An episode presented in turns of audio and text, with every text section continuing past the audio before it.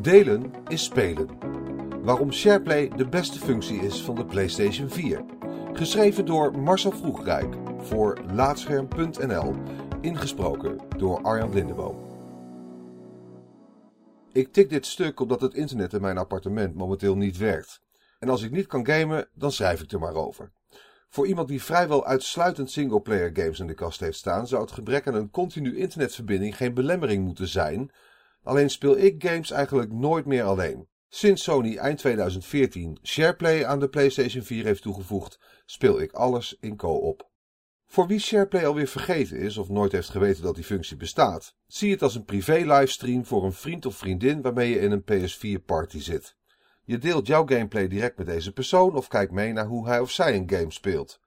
De magie, want dat is het, pure magie, zit hem in de optie om je controller virtueel aan de ander te geven. Zo is het net alsof je met elkaar op de bank aan het gamen bent en de controller even doorgeeft. Je kunt in principe iedere game helemaal samen doorlopen en afwisselend achter de knoppen zitten. Zolang je maar ieder uur opnieuw SharePlay aanzet, want er zit een tijdslimiet op van 60 minuten.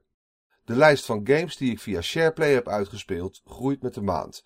En dat is best bijzonder, want zoveel spellen speel ik doorgaans niet uit. Sowieso game ik bijzonder weinig meer uit mezelf. Ik ben het een te eenzame tijdsbesteding gaan vinden. Een spelwereld kan nog zo levendig zijn, vol met kleurrijke personages en zinvol dan wel zinloos tijdverdrijf. Uiteindelijk draait alles om de speler.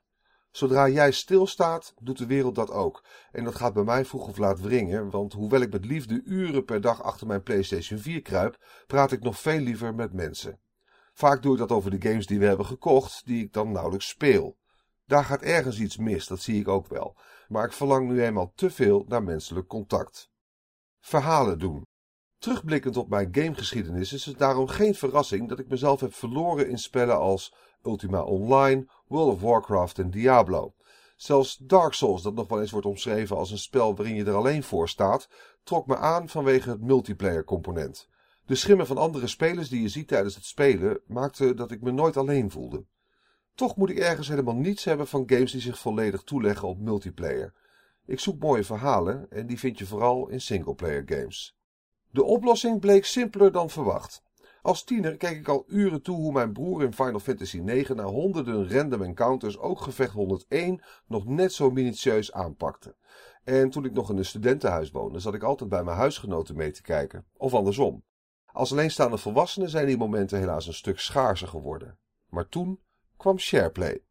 De ernstig ondergewaardeerde functie overbrugt fysieke afstanden en verlaagt voor mij ook de drempel om het gewoon eens over het leven te hebben en hoe dat gaat. Met een vriend die in Duitsland woont heb ik op die manier al Fez, The Witness en Uncharted 4 uitgespeeld. Oms de beurt namen we de controller ter hand, wat de ander de ruimte gaf om uitgebreid te vertellen. Want geconcentreerd praten en gamen, dat gaat nog steeds maar moeilijk samen. Zo praten we elkaar bij over wat er in onze levens gebeurt en spelen we zijdelings ook nog games uit die we, ik sowieso, misschien anders nooit tot het einde zouden uitzitten. Spelen is delen. De games zijn daarbij zowel hoofdzaak als bijzaak. Het is een onschuldige aanleiding om samen iets te doen als je alle twee thuis zit, omdat je anders die middag of avond toch niets nuttigs had gedaan. En het vormt een perfecte manier om meer games te ervaren, met name van genres waarin je zelf niet zo thuis bent. Bovendien hoeft maar één van de twee personen een spel te kopen, de ander kan, mits je beide een PlayStation Plus abonnement hebt, gratis meekijken en spelen. Dankzij SharePlay game ik weer meer dan ooit. Althans sinds de vervlogen hoogtijdagen van games met zogeheten couch co-op. Een spel als The Witness had ik zelf nooit uitgespeeld, maar het samen met iemand oplossen van alle puzzels behoort tot mijn beste herinneringen aan vorig jaar. Na een dag werken gaat tegenwoordig vrijwel altijd SharePlay aan. Wie vanuit buiten door mijn raam kijkt, ziet me dan staan koken, met de PS4-controle onhandig in mijn broekzak gepropt, luisterend naar het geluid of stemgeluid van een vriendin die al dagen bezig is om Final Fantasy X-2 op 100% te krijgen. Of ik speel Resident Evil 7 via PlayStation VR en denk, godzijdank hoef ik die games nooit meer alleen te spelen.